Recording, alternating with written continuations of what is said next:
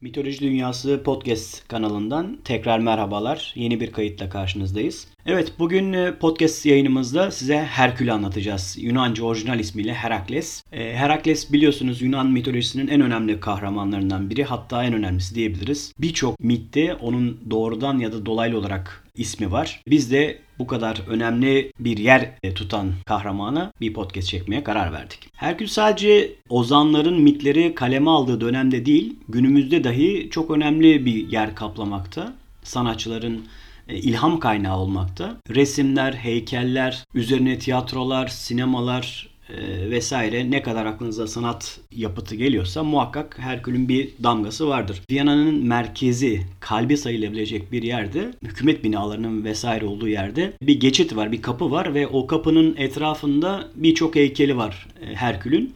Birazdan anlatacağımız 12 görevini ayrı ayrı betimlemişler e, heykeltıraşlar ve kapının her tarafını süslemekte. Birçok yerde sadece Viyana'da değil e, Avrupa'nın birçok başkentinde Herkül'le alakalı yapıtlar görebilirsiniz. Resimler, heykeller vesaire, sokak isimleri. Muhakkak Herkül'e bir yer verme meyili vardır Avrupalıların. E, ben de yaşadığım ülke Belçika'da e, bunun benzerini anlatabilirim. Rubens çok önemli bir sanatçıdır Belçika için. Onun Antwerpen şehrinde bir evi var. Daha önce oturduğu ve şu anda da müze olarak kullanılan bir ev. Rubens evi olarak geçiyor. Rubens evini gezdiğiniz zaman Rubens'e ait e, birçok resim ve heykel gözünüze çarpıyor. Çok kıymetli eserler hepsi.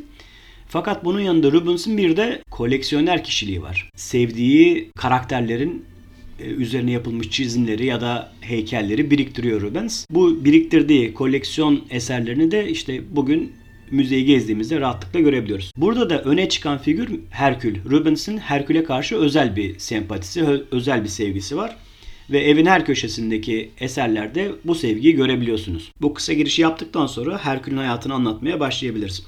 Tabi Herkül'ün hayatını baştan sona anlatmamız e, hayli zor iş çünkü Herkül'ün gerçekten sayıca çok fazla mite e, dahil olduğunu biliyoruz.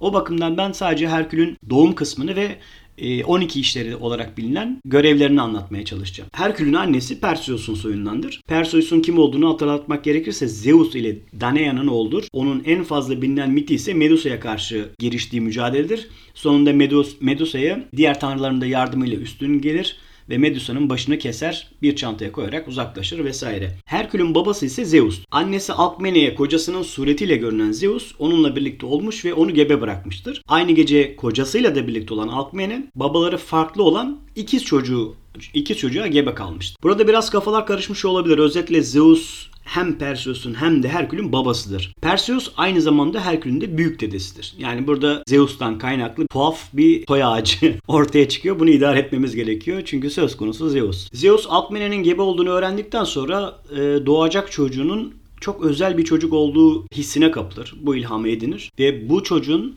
e, dünyaya hükmetmesi açısından da diğer tanrıları ikna etmek üzere e, bir söz eder. Böyle Olimpos'ta hepsinin olduğu bir ortamda bugün bugünlerde dünyaya gelecek ve Perseus'un soyundan olacak bir çocuk diğer insanlara hükmedecek namlı bir kral olacaktır. Ben de bunun için elimden gelen ne varsa yapacağım der. Hera kocasının ne mal olduğunu bilmektedir. O yüzden e, bu sözünde de mutlaka ama mutlaka bir bit yeniği var diye düşünür ve Zeus'un kendi çapkınlıklarıyla alakalı bir plan kurduğunu anlar. Sonra düşünür der ki muhakkak ama muhakkak Zeus birisiyle birlikte olmuştur ve işte bu çapkınlığın sonunda doğacak çocuğa yer açmaya çalışmaktadır der.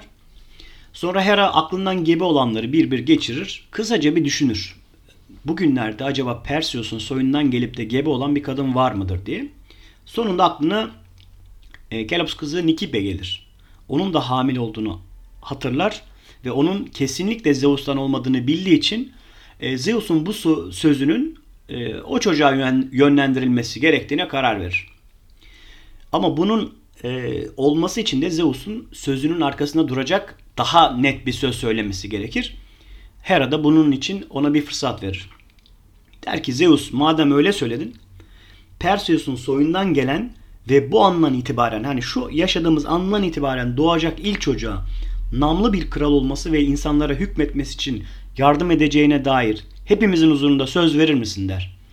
E Zeus da tabii ki bu meydan okumaya kayıtsız kalmaz. Elbette söz verin. Biraz önce zaten onu söyledim ben. Sözümün arkasındayım. doğacak ilk çocuğa her hücremle yardım edeceğim der. Zeus Herkül'ün doğumunu beklerken Hera boş durmaz. Soluğu Pelops kızı Nikibe'nin yanında alır. Yanında doğum tanrıçası Elietea da vardır ve henüz 7 aylık gebe olmasına karşın Nikibe'nin doğurması için e, Elietea'yı e, ikna eder. Elietea tüm gücünü kullanarak Nikibe'nin doğurmasını sağlar ve Eurystheus adındaki çocuk doğar. Dünyaya gelir. Nikibe ve Pelops'un kızı olarak. Ve bu çocuk Perseus'un da soyundan geldiği için Argosların kralı olur. Hera'nın bu hamlesiyle de Zeus'un tüm planları çöpe gitmiştir. Çünkü e, Herkül doğduktan sonra ona krallığı ve insanlığın yönetimini devredecekken e, sözünü çiğneyemeyeceği için artık e, o taht Eurystheus'a ait olacaktı. Dönelim Herkül'ün doğum hikayesine. Herkül'ün doğumundan hemen sonra Hera tabii ki boş durmaz. Devam eder. Diğer yandan kralı hazırlamıştır ancak ihanetin meyvesi olan çocuğun da ölmesi gerekir. Annesi Alkmene'nin odasına bir yılan gönderir ki Herkül'ü öldürsün diye. Böylelikle Zeus'un kendisine ihanetinden e, meydana gelen, ihanetinin meyvesi olan çocuğu da ortadan kaldırmış olacaktır. Sadece krallığı ondan esirgemekle yetinmeyecektir Hera.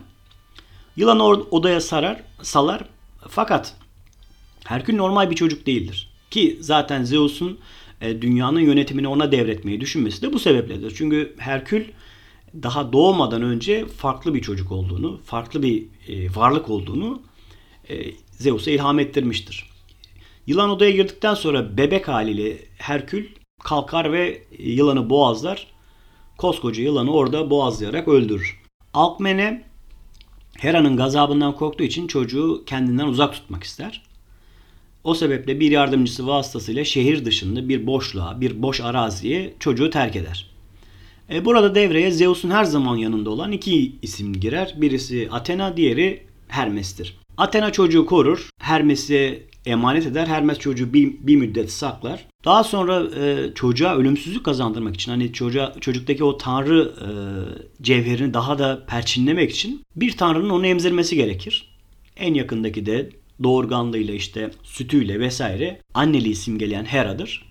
Bir şekilde Hera'nın sütünü emmesi gerekmektedir. Hera uykudayken Olimpos'un tepesinde e, Hermes onu gizlice Hera'ya yaklaştırır ve göğsünü açarak e, Herkül'ün e, ağzına dayar Hera'nın memesini. Ama başta da belirttiğimiz gibi Herkül normal bir bebek değildir. Dişleri vardır vesaire güçlüdür, kuvvetlidir. E, Hera'nın tüm sütünü emer artık doymamıştır ve artık e, hınçla emdiği için Hera'nın memesini acıtır. Hera da acıyla çocuğu memesinden uzaklaştırır. Onu uzaklaştırdığı an gelmeye devam eden e, süt göğe serpilir. Ve buradan bugün Samanyolu olarak bildiğimiz e, yıldız yolu oluşur. Şimdi biz Samanyolu diyoruz ama e, yabancı dillerde, batılı dillerde bu galaksinin ismi e, süt yoludur. İngilizcesi Milky Way'dir. Flamancasını söyleyeyim Milky Way'dir. Buradaki süt yolunun hikayesi Hera'dan gelmektedir. Bunu da küçük bir not olarak düşelim. Devam edelim. Herkül artık Hera'nın sütünü de emmiştir ve e, tanrılık cevheri daha da perçinlenmiştir. Zaten doğuştan bir gücü vardır. E, Tebai de Zeus'un da koruması altında artık Zeus orada bir Hera'ya da bir fren veriyor artık. Senin de sütün emdarını dokunma dercesine herhalde. E, Hera pek karışmıyor ona artık. Çocukluğunda büyümeye devam ediyor. Çünkü Dionysos konusunu biz mitoloji sayfasında çok işledik. Dionysos'un daha doğumundan çok ileriki yaşlarına kadar Hera sürekli uğraşmıştır ama Herkül'de bunu tam olarak görmüyoruz. Başta öldürmeye çalıştığı yılanla sonra pek şey yapmıyor artık. E, karışmıyor. Zaten Herkül'de güvenli bir ortamda büyümeye devam ediyor. Atina'nın kuzeyinde yer alan Thebai'de e, eğitim almaya başlar. Okumayı Linos'tan öğrenir, ok atmayı Eirotus'tan öğrenir, silahla savaşmayı işte mızraktır, kargıdır vesaire Kastor'dan öğrenir, güreşmeyi Atilokus'tan öğrenir. Amfitron'dan da at sürmeyi ve araba kullanmayı öğrenir, at arabası. Bu şekilde e, Herkül kendini yetiştirir. Çünkü her biri çok usta öğretmenlerdir, hocalardır ve Herkül'ün e, eşsiz bir insan olması için bunların eğitimi şart. Burada tek bir şey dikkatimizi çekiyor. Burada tabi ozanların sanıyorum kaba güçle e, beynin, zekanın pek birbirine yakın olmadığını belirtircesine Herkül'ün okuma konusunda güçlük çektiğini anlatırlar. Herkül diğer işlerde işte o bedensel anlamda işte e, kılıçtır, oktur vesaire bunların üstesinden gelebilirken güreştir, at kullanmaktır. e, bunları gayet rahat yapabilirken okuma konusunda güçlük çekmektedir. Hatta bir gün bir vazo resminde bunu görmekteyiz. E, Linus'un anlattığını o kadar anlamamıştır ki artık o kadar zorlanmıştır ki oturduğu tabureyi alıp Linus'un kafasına fırlatmıştır. E, sonunda tabi bu da bir cezai müeyyide gerektiriyor. E, Herkül alıp e, çobanlığa veriyorlar. Okuma yazma e, konusunda hani bir bilgi olma konusunda sıkıntısı olduğu için o eğitim o eğitime ara veriliyor ve çoban olarak devam ediyor. Çoban kendi ömür boyu kendisine eşlik edecek bir silahı e, yapıyor. Onu da nasıl yapıyor? İşte çobanken karşısına çıkan bir zeytin ağacını kökünden söküyor ve işte onu taşla, baltayla vesaire biçimlendirerek bir topuz yapıyor kendisine ki bu Herkül dediğimiz zaman aklımıza gelen 2-3 nesneden biri olarak karşımıza çıkmaktadır. Buradan sonra Herkül'ün artık e, kahramanlık e, arenasına çıkması gerekiyor. Burada da karşımıza çıkan ilk hikaye aslanlara karşı sergilediği bir mücadeledir. İnsanları zor duruma sokan bir aslanlar grubu vardır. İşte saldırırlar, çocuklarını veya sürülerini yerler vesaire. E, bunlarla baş etmek de tabii ki aslan oldukları için güçtür. Yalnız Herkül farklıdır en baştan beri anlattığımız gibi. Farkını da artık ortaya koymak durumundadır. Hani bizim Türklerde de vardır ya işte bir kahramanlık yaptıktan sonra ismini alır vesaire. E, bir bakıma aslına bakarsanız Herkül'ün de ismini aldığı hani Herkül olarak değil ama ünvan olarak bir aslan çünkü aslan kostümüyle yere girmek, gitmektedir ve aslanla Herkül özdeşleşmiştir yani kahraman olarak. Bu aslanlarla mücadele eder ve hepsinin soyunu tüketir. E, nihayetinde kral Tespios'a kadar ulaşır. E, Tespios'un topraklarındadır çünkü bu olaylar. Tespios ona sahip çıkar ve hayran olur böyle tanrı soylu bir kahramanla karşılaştığı için de mutlu olur. Tanrı soylu kahramanın soyuyla kendi soyunun birleşmesi için de sahip olduğu 50 kız, kendi çocuğu 50 kızın sırasıyla Herkül'le birlikte olmasını sağlar. Bunlardan 49'u Herkül'le birlikte olurlar ve ondan gebe kalırlar. Soyları bir şekilde devam ederler ki ileride Herkül oğulları, Herakles oğulları olarak Yunanistan'da nam salacaklardır vesaire. Yalnız bir tane kız bu duruma karşı çıkmıştır. O kız da ileride Herkül'ün rahibesi olacaktır. E, rahibe dediğimiz işte dünyevi olarak zevklere kendini kapatan, işte bir tapınağa komple kendini adayan, ibadetle geçiren. Fakat şurada bir notu düşmek gerekiyor. Bu bakire kızlar kendilerini adadıkları Tanrı'ya da aittirler. Yani onların bir nevi malıdırlar. Bu bakımdan ilerleyen dönemde Herakles bu kızla birlikte olmuştur. Ancak diğerlerinden farklı olarak bu rahip olarak devam etmiştir. Herkül Kral Tesbios'un yanından belli bir dönem sonra geri döner Tebai'ye, yaşadığı yere, büyüdüğü yere. Burada da yine kahramanlığını perçinleyecek bir hadise yaşanır. Tebailler yıllar yılı Minyaillere ağır vergiler ödemekteydiler. Çünkü e, Minyaillerin mevcut kralının e, babasını Tebailler öldürmüştü. Bu olayın kapanması için de işte bir kefalet belirlenmişti. Fakat bu kefalet her yıl keyfi olarak artırılmaktaydı ve belli bir e, zamandan sonra artık e, tebailer için ciddi bir yük oluşturmaya başlamıştı. E, sürekli söylenmekteydiler vesaire fakat ellerinden de bir şey gelmiyordu. Sonuçta silahsızlandırılmışlardı. Herkül bu durumu öğrendi ve gelen Minya ile elçilerin özellikle de böyle tebailere karşı aşağılayıcı tavırlar takınmaları, onlarla alay etmeleri, kadınlara kızlara sarkıntılık etmeleri vesaire kahramanı sinirlendirmiştir. Gelen elçilerle mücadele etmiştir ve hepsini alt etmiştir. Sonra kulaklarını kesip boyunlarına madalyon olarak asarak krallarına geri göndermiştir. Kralınıza da söyleyin bu yılki harcınız, bu yılki verginiz boynunuzda asıl olan bu kulaklardır der ve e, bir nevi e, o elçilerin tebailere karşı e, sergiledikleri aşağılama hareketlerini onlara iade etmiş olur. Elçilerinin boyunlarında kendi kulaklarıyla geri dönmesi Minyay kralı Erginos'u oldukça öfkelendirir. Ordusunu toplar Tebai üzerine yürür. Tabii ki e, Tebai'nin silahsız olması e, bu savaşta galibi önceden aslına bakarsanız açık etmektedir. Yani Minya'yı çok rahat bir şekilde bunu bu savaştan galip gelecektir. Fakat hesap edilmeyen bir şey vardır ki orada tek bir silahlı adam vardır. O da Herkül'dür ve onun da kuşandığı silahlar Athena'ya aittir. Athena zaten yenilmezdir. Herkül de böyle bir kahraman olduğu için onun da yenilmesi mümkün değildir. Sonuçta tek başına koca bir orduya karşı savaşır ve hepsini alt eder. Bundan sonra da artık Tebai için özellikle bir kahraman haline gelir. Tabi bu namı diğer şehirlerde yavaş yavaş yayılır ve herkes için artık Herakles e, yenilmez bir e, kahramandır. Tebai kralı Kreon kızı Megara'yı onunla evlendirir bu, bu olaydan sonra. Biraz önce bahsettim Hera e, Dionysos'la uğraştığı kadar Herkül'le uğraşmamıştı. Uzun yıllar boyunca Herkül'ü rahat bırakmıştı. Fakat e, şimdi Herkül kahramanlığını ilan ettikten sonra yavaş yavaş artık Zeus'un hani doğmadan önce o e, tüm insanlara hükmedecek e, kehanetini e, hayata geçirmeye başladığını gördükten sonra Hera tekrar harekete geçti. Karşı hamlelere başladı. Herkül zaman zaman krallığını bırakıp uzun yolculuklara çıkmaktaydı. Av olsun, savaş olsun vesaire. Sonra tekrar krallığına geri dönmekteydi. Yine böyle krallığından uzakta olduğu bir dönemde Hera devreye girdi ve Likus adında birini Tebai'ye gönderdi. Likus emrindeki adamlarla birlikte gelip Tebai'yi zaten savunmasızdır. Her Herkül başında yoktur. Kolaylıkla ele geçirir ve tahta oturur. Hem karısı Megara'yı hem de Herkül'ün e, soyundan gelen üç çocuğu üzerine alır. Bunlar benim ailemdir, burası da benim yurdumdur der. Ve bir nevi Herkül'ün hakkını, tüm hakkını gasp eder. Aile olsun, vatan olsun, ordu olsun, halk olsun neyse artık. Tüm Herkül'e ait her şeyi gasp etmiştir. Herkül uzun yolculuktan geri döner. Bakar ki şehirde, ülkede bir tuhaflık var. Yani yönetim değişmiş, sarayına el konulmuş, ailesi başkası tarafından gasp edilmiş.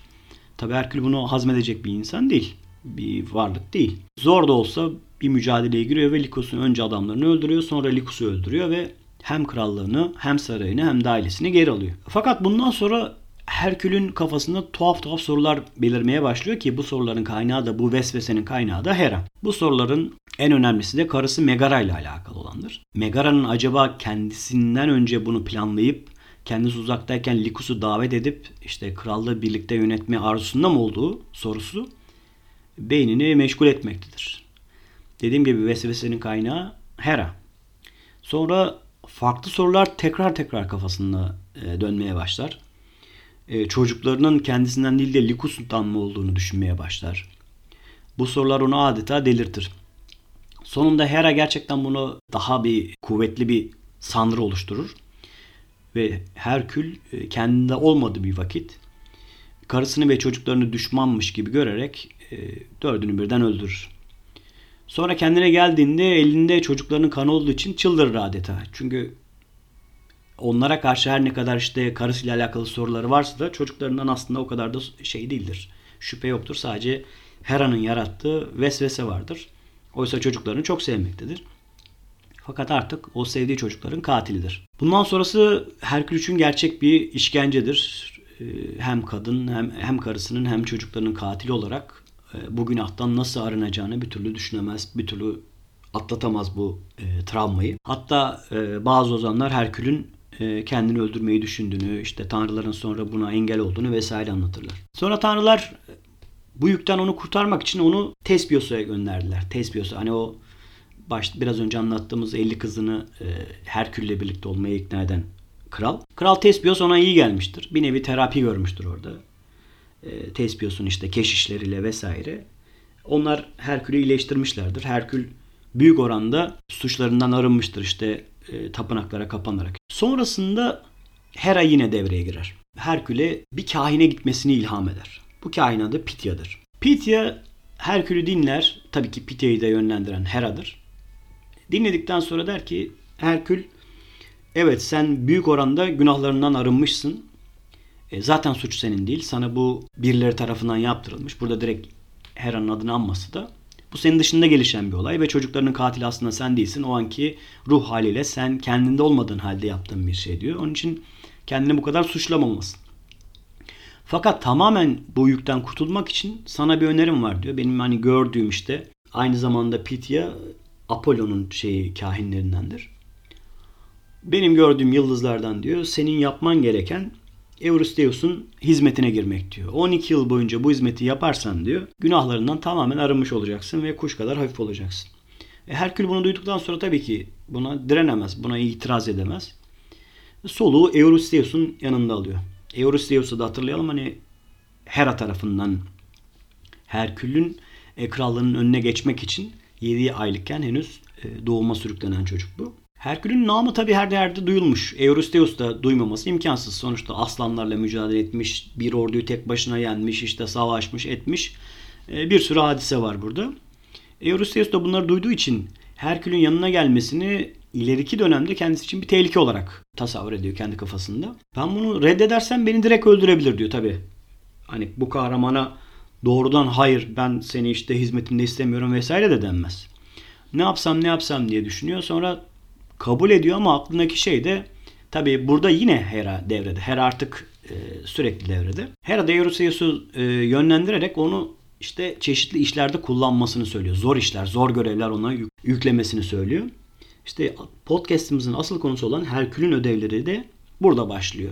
Toplamda 12 ödevdir bunlar. Ve Eurystheus Herkül'e bu görevleri sırasıyla verir. Sonrasında Herkül e, Mikenya'dan ayrılarak işte görevlerinin başına gider. Her görevi tamamladıktan sonra tekrar Mikenya'ya Eurystheus'un yanına döner. Eurystheus'un e, Herkül için düşündüğü ilk görev Nemea aslanının öldürülmesiydi. Argos'un kuzeyinde yer alan dağ silsilesinin en yükseği Apesas'tır. Bu Apesas'ın eteklerinde bir aslan yaşamaktadır ve bu doğaüstü bir aslandır. Hani daha öncesinde Herkül'ün mücadele edip yendiği aslanlardan değildir. Bunun göksel bir kökeni vardır ama tabi bununla alakalı birçok mit var. Bunun Sphinx'in akrabası olduğundan e, ay tanrıçası Selene'nin onu silkeleyerek aydan dünyaya attığına kadar birçok e, varsayım var. Biz de herhangi, bunlardan herhangi birisini kabul edebiliriz. Sonuçta bizim bilmemiz gereken bu aslanın doğal bir aslan olmadığı, silah işlemez bir aslan olduğunu bilmemiz yeterli. Bu menşe hikayelerini bir kenara bırakırsak, Herkül Nemi aslanının nasıl ulaşabileceğini ve onu nasıl yenebileceğini Molorkos adındaki yaşlı bir adamdan öğrendi ki bu Molorkos çocuklarından birini e, Nemi aslanına e, kaptırmıştı. Hani Nemi aslanı onun çocuklarından birinin de katiliydi. Bu bakımdan e, kahramanın o aslanı yenmesi Molorkos için de bir intikam vesilesi olacaktı. Molorkos Herkül'e nasıl yenebileceğine dair belli tüyolar verdi, belli ipuçları verdi. Herkül bunları dinledikten sonra Nemi aslanı yakalamak üzere yola çıktı. Burada 30 gün bahsi geçmektedir. 30 gün toplam yol mudur yoksa e, Herkül'ün aslanla mücadelesi midir? Orası biraz muallak ama 30 günün sonunda e, ki burada belli bir dönemde uyuyarak geçiriyor. Çünkü aslanla mücadelesi inanılmaz derecede yoruyor şeyi e, Herkül'ü. Sonunda alt etmeyi beceriyor. Baştan belirttiğimiz gibi bıçak ve mızrak işlemiyordu aslana. Bu bakımdan kendi topuzunu kullanmış olabilir ama genelde tasvirlere baktığımızda aslanı güreş tarzı bir mücadele sonunda alt ettiğini görmekteyiz. Görev sonrası aslanın postunu da soyarak e, başına takarak Mikenya'da soluğu aldı Herkül. Eurystheus bunu duyduktan sonra tahtından inmedi, yanına karşısına çıkmadı. Çünkü gerçekten Herkül'den zaten korkuyordu fakat Nemeas'ların yendiğini öğrendikten sonra bu korkusu daha da bir perçinle, perçinlendi. Ee, ona yeni görevini elçisi aracılığıyla verdi. Yeni görevi Lerna yılanını öldürmekti. Lerna adı verilen bölge Pontios Dağı ile deniz arasındaki uçurumlarla dolu bir yerdi ve bu bölge aslına bakarsanız e, yeraltı dünyasının e, yeryüzüne çıkış tünellerinden birinin, geçitlerinden birinin de olduğu yerdi. Bu bölgede dört su kaynağı fışkırmaktaydı. Kerberos ile kardeşti bu Lerna yılanı. E, Lerna yılanının işte tabi burada sayılar arasında çeşitli çelişkiler var ama 7 ile 12 arasında başı olduğu söylenmekte. Anne ve babasının ise Tayfun ve Ehitna olduğu kabul edilmektedir. Tayfun'u biliyorsunuz Zeus tarafından alt edilip Etna Dağı'nın altına gömülmüştü. Etna Dağı'nın bugün yanardağ olmasının sebebi de işte e, Tayfun'un ki Tayfun ağzından alevler çıkarabilen bir ejderhaydı. Ekidna da tıpkı e, Tayfun gibi büyük bir yaratıktır. Yılandır. Yılanların atası sayılır. E, vahşi ve doğaüstü bir varlıktır.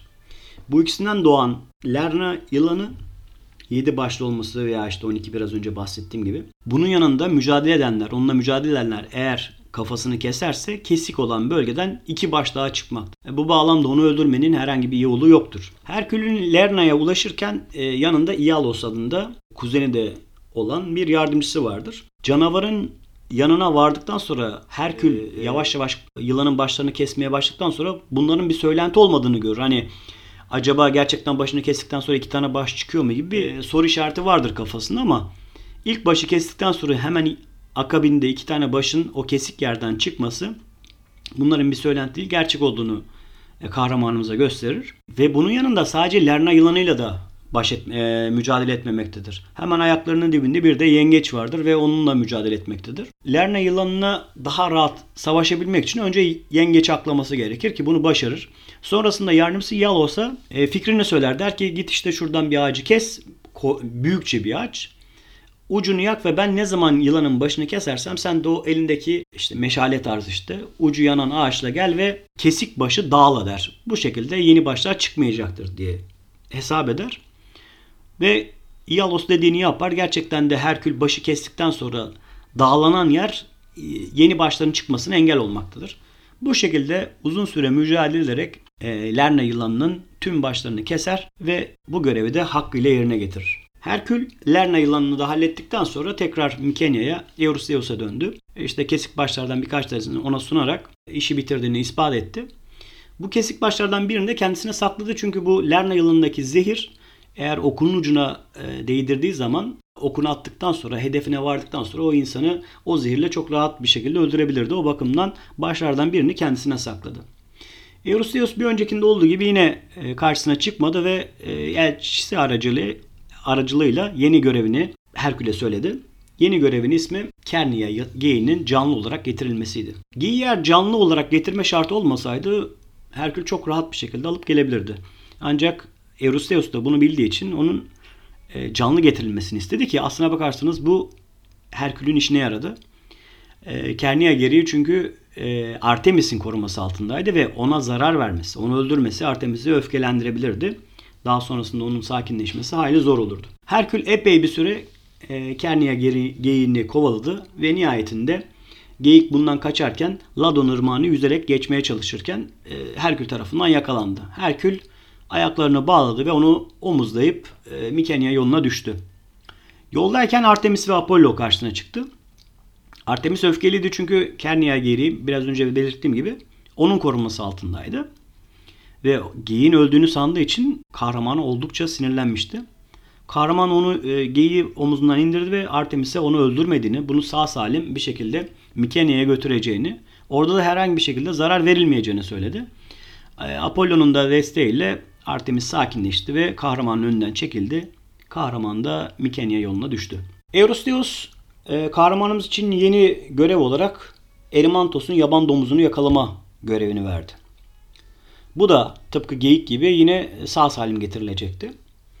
E, Herkül yola düştükten sonra Foley ormanlarından geçmesi gerekiyordu. Burada kentorlarla karşılaştı. Herkül onlarla gayet güzel sohbet etti. İyi günler geçirdi. Onların bir dönem misafir oldu. Misafirlik belli bir dönemden sonra bozulmaya başladı. Onun sebebi de Dionysos'un kendilerine diye ettiği e, şaraplardan Herkül'e ikram etmek istediler. Herkül içti. Herkül'de herhangi bir değişiklik yoktu. Fakat kentorlar içtikten sonra sapıttılar biraz. Çünkü Dionysos'un şarapları oldukça kuvvetliydi. Tesiri güçlüydü. Bu tesirin neticesinde biraz e, kendilerinden geçtiler ve Herkül'ün hoşlanmayacağı hareketler sergilediler.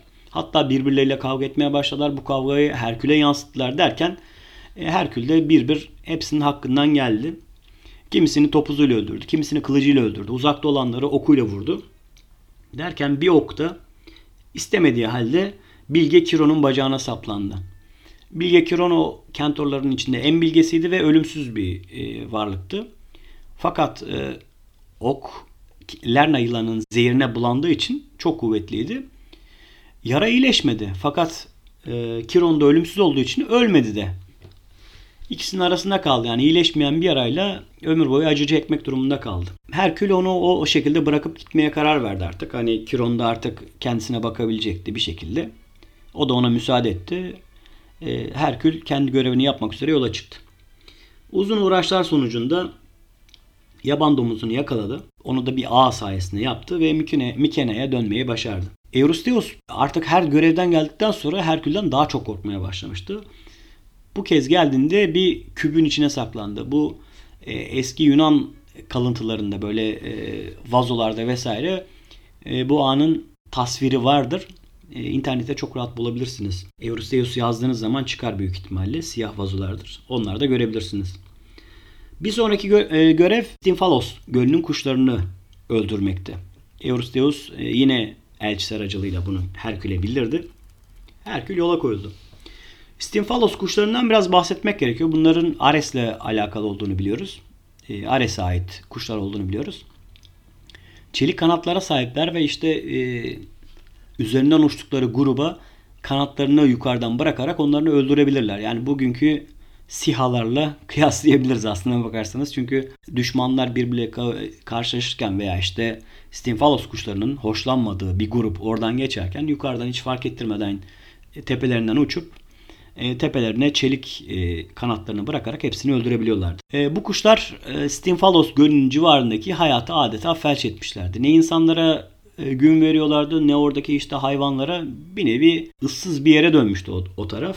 O yüzden Eurystheus tarafından Herkül'e yeni e, görev verilmesine sebep oldu bu durum. E, fakat bu kuşların özel bir yeteneği de kolay kolay görünmek istemedikten sonra, insanlara e, yakalanmak istemedikten sonra ortaya çıkmamalarıydı. Herkül epey bir süre pusuda beklediği halde bunların hiçbiriyle karşılaşmadı. Çünkü Stinfalos kuşları da biliyordu ki Herkül yenilmez e, bir kahramandı ve onun karşısına dikilmek istemiyorlardı. Ona bir yani kalkanıyla vesaire kanatlarından kurtulacağını biliyorlardı. Oklarıyla da kendilerini rahatlıkla avlayabileceklerinin farkındaydılar ki bu uyarı da muhtemelen Ares tarafından yapılmıştı onlara. Herkül epey bekledikten sonra ve bu kuşların da ortaya çıkmadığını gördükten sonra Tunç'tan yaptığı bir çıngırakla kuşları deli etmeyi başardı ve hepsi ister, istemsiz bir şekilde uçmaya başladılar. Onlar uçtuktan sonra da Herkül bir bir hepsini avladı oklarıyla. Kuşlar tekrar saklandılar. Her saklandıklarında bu çıngırak tekrar çaldı ve e, Herkül büyük bir çoğunluğunu öldürmeyi başardı. Kurtulan kuşlar da Karadeniz kıyısında Ares'in adasına kaçtılar. Orada Ares'in emrine girdiler tekrardan. Kahramanımız her görevi başarıyla yerine getirdiğinde namı daha da çoğalıyordu. Bunun yanında Eurystheus'un ondan korkusu daha da perçinleniyordu. Gittikçe parlayan namına bir zarar vermek istedi Eurystheus. Ve Herkül'e yeni görev olarak Elis kralı Augias'ın e, yıllardır temizlenmeyen ahırlarını temizleme görevi verdi. Ama o ahırı gözünüzde sıradan bir ahır olarak canlandırmayın. Yani bir şehir büyüklüğünde bir ahır olarak düşünün. İnanılmaz derecede içinde sürüler var. Ve yıllar yılı bu sürüler orayı gübreyle doldurdular ve insan e, kuvvetiyle oranın temizlenmesine ihtimal yok. Herkül buraya vardıktan sonra önce bir baktı nasıl yaparım, nasıl ederim diye. Sonrasında e, nasıl temizleyebileceğini çözdü. Fakat kralın buranın temizleneceğine dair en ufak bir umudu bile yoktu. Herkül ona bir teklifte bulundu. Dedi ki ben bu, e, bu ahırı temizlerim fakat sürülerin yarısını istiyorum senden. Kral da dedi ki eğer dedi şu kadar süre içinde bunu yapabilirsen tamam sözüm söz e, sürülerimin yarısı senindir. Herkül e, bunu el kuvvetiyle yapamayacağını biliyordu. O yüzden civardaki iki nehrin yatağının yönünü değiştirerek ahırların içinden geçmesini sağladı. Bu nehirler geçerken de ne kadar pislik varsa alıp götürdüler ve sadece hayvanlar kaldı ve tertemiz bir ahır kaldı. Temizlendikten sonra nehirlerin e, yataklarını tekrar eski haline getirdi ve e, ahırı tertemiz bir şekilde Augias'a teslim etti. Fakat Augias burada sözünden caydı. Verdiği sözü yerine getirmedi ve böyle anlaşmamıştık sen elinle temizleyecekten gibi bahanelerle Herkül'ü başından sağmaya çalıştı ki Herkül'ün hiç sevmediği bir olay sözünde durulmaması. Sinirlenen Herkül hem onu hem de oğullarını öldürdü. Sonra da alacağını alarak oradan uzaklaştı. Eurystheus sonraki görev olarak Herkül'e Ares'in oğullarından Diomedes'in insan eti yiyen atlarını getirmesini istedi. Bundan önceki görevler Mikenya ve civarındaydı. Yani Herkül çok yol kat etmiyordu ama Şimdi gideceği yer Trakya'daydı. Epey bir yol gitmesi gerekiyordu. Herkül de yola koyuldu. Yol üzerinde Admetos'a konuk oldu. Admetos'un e, krallığı da Trakya'ya Trakya gidiş yolu üzerindeydi. Admetos iyi bir adamdı. Apollon'un yardımıyla çok sevdiği, genç ve güzel Alkestis'le evlenmeyi başarmıştı. Ne var ki kaderi kötüydü bu kralın. Evlendiği gün Artemis'e kurban vermeyi unuttu. Dolayısıyla bu da işte e, onun kaderinde yazılan ölüm vaktini erken almasına sebep oldu. Apollon yalnız şeyi e, Admetos'u çok sevdiği için kader tanrıçalarıyla konuştu ve dedi ki hani bunu engellememizin bir şey yolu var mı dedi. Hani sonuçta dedi bu unutulmuş bir şey dedi. İsteyerek yapılmış bir şey değil vesaire. Moiralar da ona dediler ki işte eğer kendisi yerine ölebilecek birini bulursa biz bu ölümü erteleyebiliriz. Normal vaktini çekebiliriz. Admetos mutluluğu yeni yakaladığı için önce anne babasına gitti. Anne babası onu kabul etmedi. En sevdiği arkadaşlarına gitti, uşaklarına gitti, hayatını kurtardığı insanlara gitti. Kimse onun bu isteğini kabul etmedi. Yalnız ve yalnız bir kişi kabul etti. O da genç ve güzel karısı Alkestis. Ki o da bunu hiç istemiyordu. Neticede onunla mutlu olabileceğini düşünüyordu. Fakat Alkestis hayır dedi. Senin ölmene ben izin veremem. Ben öleceğim dedi. Alkestis bunu kabul ettikten sonra da Thanatos'un al, e, almak üzere mezarının başına gelmişti ki Herkül olaylardan habersiz bir şekilde sarayın salonunda içmekteydi. Ağlaşmalar vesaire duyunca olayın aslını öğrendi ve hızla koşup mezarın başına yetişti. Thanatos da orada dövüştü ve Thanatos'un elinden Alkestis'i aldı. Bu hikaye bizi şey anlatıyor. Onu not olarak düşelim. Deli Dumrul hikayesine çok benziyor. Deli Dumrul da hani ölümden kurtulabilmesi için yerine ölecek insan bulması yani başka birini bulması gerekiyordu. O da önce anne babasına gitti doğal olarak. Anne babası yaşları gelmiş olmasına rağmen bu talebi reddettiler. Ve sonunda onun içinde ölebilecek tek kişinin e, karısı olduğunu hatırlıyoruz. Burada da Admetos'ta aynı şeyi görmekteyiz. Karısı Alkesis'ten başka kimse onun için ölmeyi kabul etmemiştir. Bu etkileşimler zaman zaman karşımıza çıkıyorlar. Bunu bilmekte fayda var. Admetos'un bu derdine de çare olduktan sonra kahramanımız yoluna devam eder. E, Diomedes'in yurduna varır. Onunla amansız bir mücadeleye girer. Diomedes sonuçta Ares'in oğludur ve gerçekten kuvvetlidir. E, savaşa ve dövüşe aşina bir insandır. Veya bir tanrı olduğu diyelim. E, Herkül öyle kolaylıkla alt edemez onu ama sonuçta yenmeyi başarır. Ama onu öldürmeden onun başka insanlara, yabancılara yaptığı şeyi ona uygulamak ister ve e, onun et yiyen, insan eti yiyen atların önüne atar. Çünkü Diomedes de yoldan geçen herhangi bir yabancı, hiç tanımadığı, hiç suçu, güç, e, suçu günahı olmayan insanları tutup et yiyen atlarının önüne atmış ve hayatlarını o şekilde acı çekerek e, kaybetmelerini seyretmiştir. Burada da Herkül adaleti sağlar ve Diomedes'i kendi atlarının et yiyen atlarının önüne atar ve onları onu paramparça ederken onu izler. E, atları alır ve Mykene'ye döner. Burada burada da küçük bir not düşelim. Game of Thrones izleyicileri hatırlayacaklardır. Ramsay Bolton vardı. Çok e, işkenceci bir adamdı, vahşi bir adamdı. Onun da köpekleri vardı ve e, köpeklere birçok insanı bu şekilde yem etmişti. Nihayetinde Ramsay Bolton da benzer şekilde öldürüldü. Kendi köpekleri tarafından paramparça edildi. O Ramsay Bolton'un o ölüm sahnesinin de Diomedes hikayesinden alındığını düşünmekteyim. Bir sonraki görev Minos boğasıdır. Girit'te önce Poseidon'a kurban edileceği sözü verilen fakat ona benzer başka bir boğayı kurban ederek kurtulan bir boğa vardı. Çünkü muhteşem bir boğaydı onu kurban etmek istemedi e, kral. E, fakat e, Poseidon bu duruma sinirlendi. Sonuçta söz verildi mi tutulması gerekiyor. Bu Herkül'ün hikayelerinde bu söz verme ve yerine getirme konusu fazlaca işleniyor. Poseidon da bu boğayı delirtti sonunda ve Girit halkına adeta işkence çevirdi. Her yeri dağıttı, işte ürünlere zarar verdi, evleri yıktı, insanları öldürdü vesaire. Bunun da bir şekilde alt edilmesi gerekiyordu. Bu görevi de Eurystheus Herkül'e vermişti. Herkül de soluğu Girit daldı ve diğer görevlerine oranla daha rahat bir şekilde bu boğayı yakalayıp Eurystheus'un yanına getirmeye başardı. Kahramanın 9. görevi Amazonlardan bir kemer getirmekti. Bu kemer Amazon kraliçesi aynı zamanda da Ares'in kızı olan Hippolyte'e aitti. E, bu kemeri Eurystheus'un kızı istiyordu. Çünkü bu e, bir nevi tanrısal bir güçtü. Hem gençliği hem de işte ön planda olmayı sağlayan bir kemerdi. Bu kemeri almak için Karadeniz kıyısındaki Pontos'a gitmek zorundaydı. Orada Amazon kraliçesinden bu kemeri istedi. Fakat tabii ki Amazon kraliçesi bunu vermedi. Çünkü ona da babası Ares hediye etmişti. Böyle bir şeyin söz konusu olmadığını söyledi. Nihayetinde Herkül bir e, bir takım oyunlar sergileyerek kemer almayı başardı. Fakat kraliçe bu durumu fark etti ve bunu engellemek için önüne çıktı. Herkül istemeden de olsa kraliçeyi öldürerek bu kemeri alıp geri döndü. Geri dönüş yolunda da bir ufak işi oldu. Truva'dan geçmek durumundaydı. Truva'da da bir sıkıntı vardı. Truva'nın etrafı duvarla örülüyordu. Burada da Yine Truva kralı bir sözünü tutmamıştı. Poseidon'a verdiği bir sözü tutmadı. Sonunda da Poseidon onlara bir canavar musallat etti. Bu canavardan kurtulması gerekiyor. Herkül de krala eğer Zeus'un kendilerine armağan ettiği atları kendisine verirlerse onları bu beladan kurtarabileceğini söyledi. Turba kralı tabii ki kabul etti bu öneriyi. E, Herkül o canavarı alt ettikten sonra kral tıpkı Poseidon'a yaptığı gibi Herkül'e de sözünü tutmadı. Fakat Herkül öyle e, söz tutulmamasını kabul edecek birisi değildi. Hem kralı hem çocuklarını öldürdü hem de Truva'yı yerle bir etti. Ki Truva Truva Savaşı'ndan önce ilk defa burada yerle bir edilmiştir. Daha sonrasında toparlanır. Sonrasında Truva Savaşları vesaire olur. Görevler artık kademeli olarak e, yükselmektedir. Hani şeyde kumar oynarken potlar yükselir ya onun gibi. Eurystheus da artık görevi her aşamasında biraz daha zorlaştı. Okyanus'un ötesinde ikamet eden Geryoneos'un sürülerini ister Eurystheus. Onları getirmek artık şeyin e, Herkül'ün görevidir. Herkül bu görev için gerçekten epey uzun bir zaman e, harcamıştır.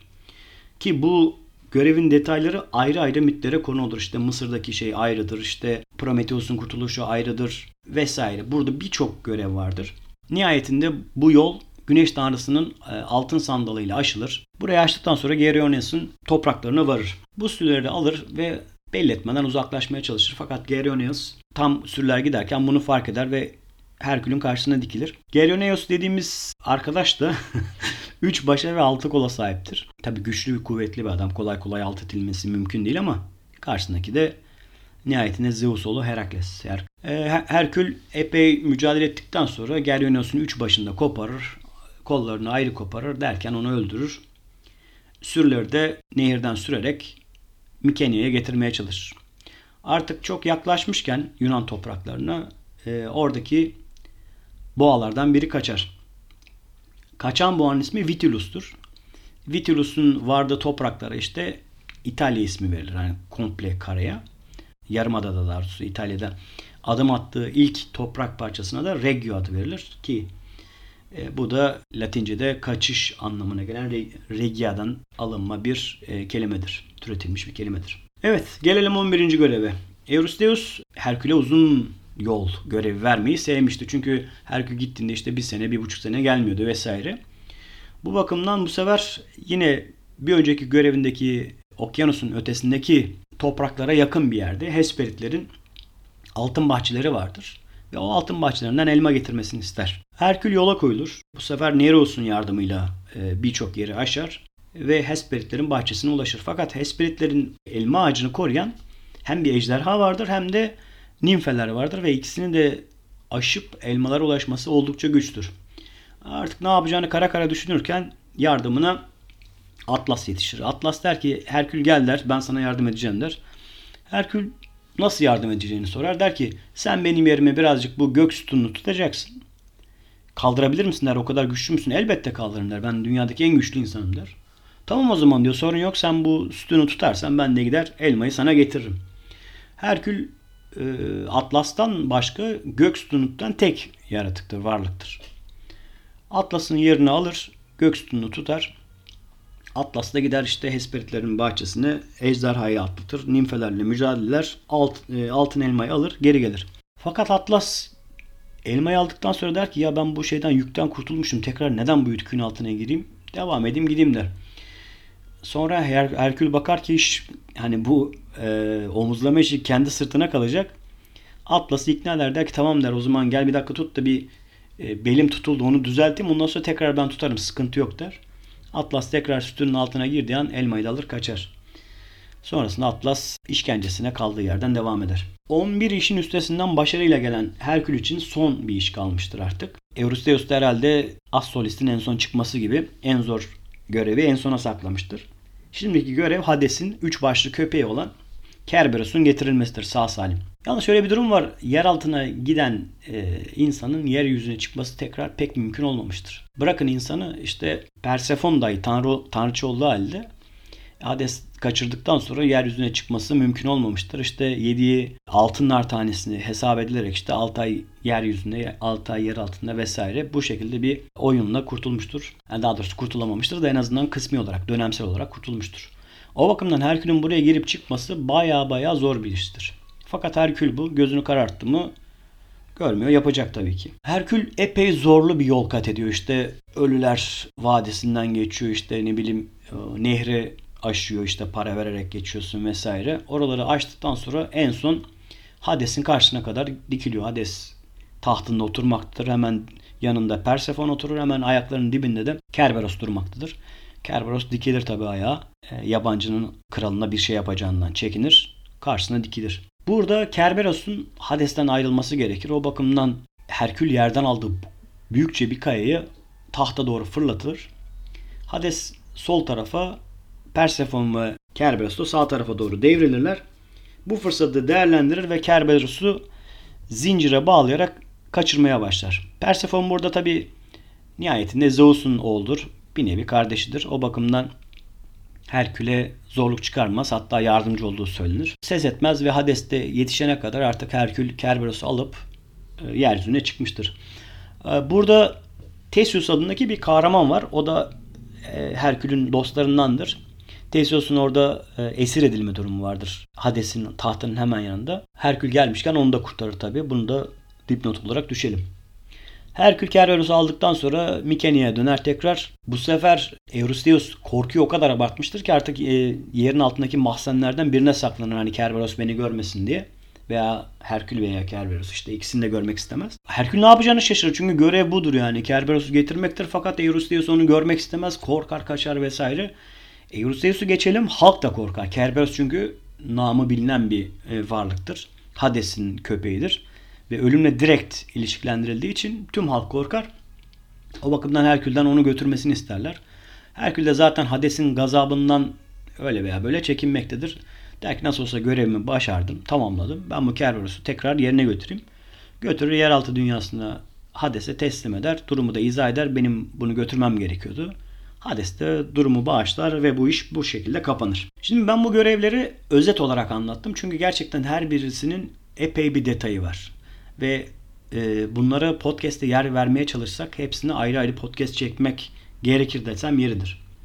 O bakımdan ben bunları özet olarak anlatmaya çalıştım. Yoksa Herkül'ün e, hem bu işlerle hem de tüm hayatı olarak çok geniş mitleri var. E, Yunan mitolojisinde, Yunan mitlerinde neredeyse Herkülsüz e, mit yok denecek kadar az.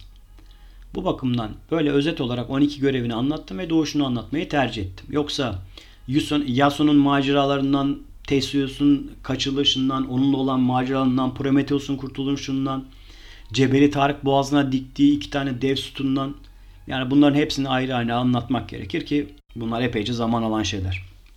Şimdilik bunları vermek yeterli diye düşünüyorum. Bu anlattığımız Herkül'ün görevleri içinde dikkat çeken iki şey olduğunu düşünüyorum. Birincisi Ares ve Hades'le bağlantısı. Özellikle ölümle alakalı şeyler. E, işte Lerna yılanının e, yeraltı dünyasına tam geçişin orada olması.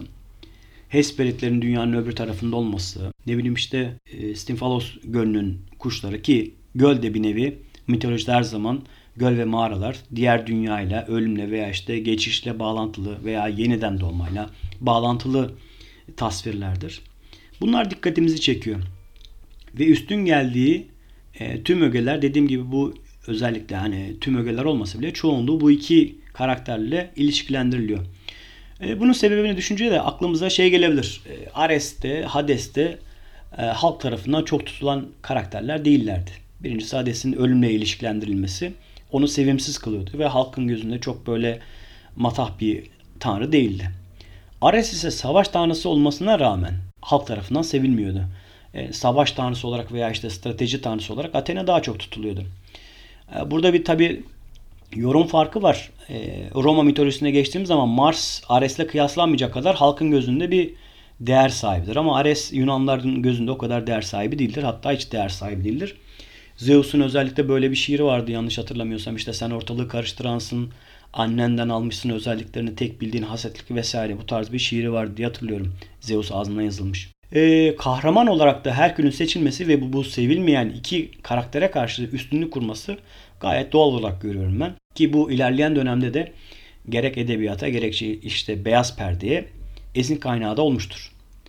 Ee, karakterler ya kahramanlar e, sevilmeyen karakterlere karşı galip gelirler. Bu şekilde izleyenlerin ya da okuyucunun e, egosu tatmin olur bir şekilde. Yani beklentisi karşılanır. Kahramanın finalde ölmesi de olasıdır. Ancak e, önemli olan kötülüğü yendikten sonra e, artık ölecekse ondan sonra ölmesidir ki genelde de hikayelerde olsun, filmlerde olsun bu yol tercih edilir. Bu kısa açıklamayla podcast'imizi sonlandıralım. E, umuyorum ki Herkül maceraları hoşunuza gitmiştir. Kayıtlarda Bazen şikayetler geliyor işte e, anlatırken tempo düşüklüğü veya işte daha değişik tarzda anlatabilir misiniz tarzı ama bilmiyorum hani ben radyocu da değilim, televizyoncu da değilim. E, yapabildiğim bu. Umarım sizi tatmin ediyordur. E, bir sonraki kaydımızda önümüzdeki ay çekmeye çalışacağız. E, görüşmek üzere. Hepiniz sevgiyle kalın, sağlıkla kalın, hoşçakalın.